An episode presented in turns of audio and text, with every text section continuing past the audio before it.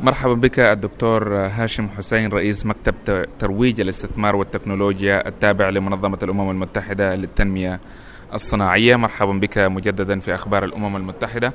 واليوم اختتم أختتم في آه، بيروت المؤتمر المصرفي العربي السنوي لعام 2018 والذي تزامن مع آه، الاحتفالات بمرور 45 عاما على تأسيس اتحاد المصارف العربية.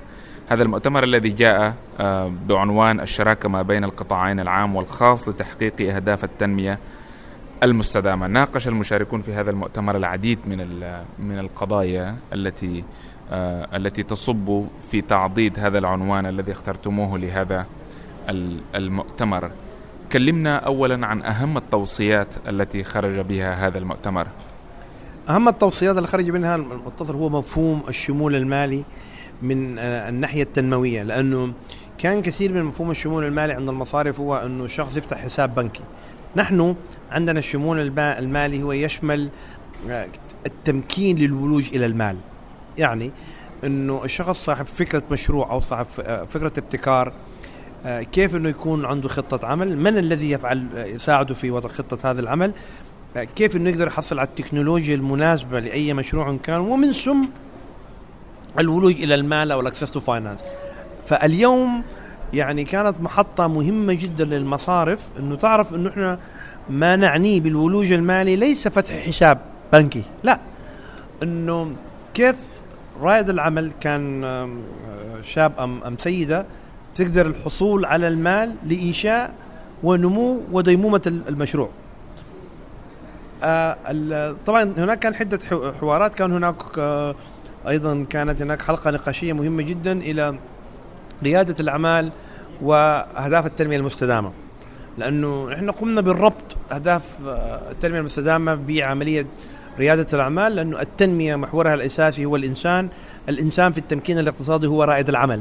فكل ما إحنا دعمنا وشجعنا رواد الأعمال كل ما إحنا أضفنا في في دلو التنمية بشكل العام لكن لأنه ال ال ال نحن آه، نتشارك مع أسبوع المال العربي واللي اللي طبعا بينظمه اتحاد المصارف العربية اللي هي فيه أكثر من 400 مصرف آه، تجاري ومصرف خاص في الوطن العربي. فكان إنه إحنا أخذنا النافذة أو الزاوية الشمول المالي اللي هو اللي يهمنا إحنا في عملية ديناميكية تنمية ال ecosystem أو المناخ الملائم لريادة الأعمال. وكانت أيضا هناك الحلقة النقاشية اللي هي اللي هي اللي هي مرتبطة باسبوع ريادة الأعمال اللي هو بتنظمه GEN ال Global Entrepreneurs Network بحضور طبعا الأستاذة بويكل هي رئيسة نائبة الرئيس الجن نتورك وأنا أنا شخصيا دكتور هاشم حسين كنت بدير هذه الجلسة.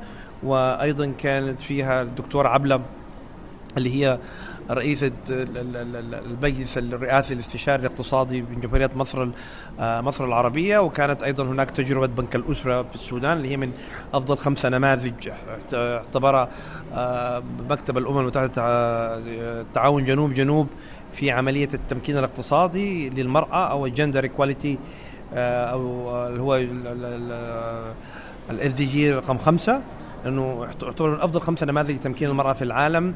أيضا عرضنا تجربة الشمول المالي في في موريتانيا وأيضا الشمول المالي في في المغرب وعقب رئيس آه، اتحاد الغرف العربية ب بماذا يجب أن نقوم بتدعيم المؤسسات الصغيرة والمتوسطة وهناك تجارب حقيقية وواقعية ولكن آه نحتاج إلى القرار السياسي وهذا هو ما سوف يتم إن شاء الله بين تاريخ 17 إلى 20 يناير في في في آه في لبنان لأنه هناك مؤتمر أو التنمية الذي ينظمه اتحاد الغرف العربية للصناعة والزراعة والتجارة بالتعاون مع المركز العربي الدولي لرياده الاعمال التابع لليونيدو وهذه التوصيات سوف ترفع إلى القمة اللي هي القمة السياسية للرؤساء وملوك المنطقة العربية لإقرار ما هو مطلوب في التنمية. لذلك نحن عندنا خارطة طريق بديناها آه،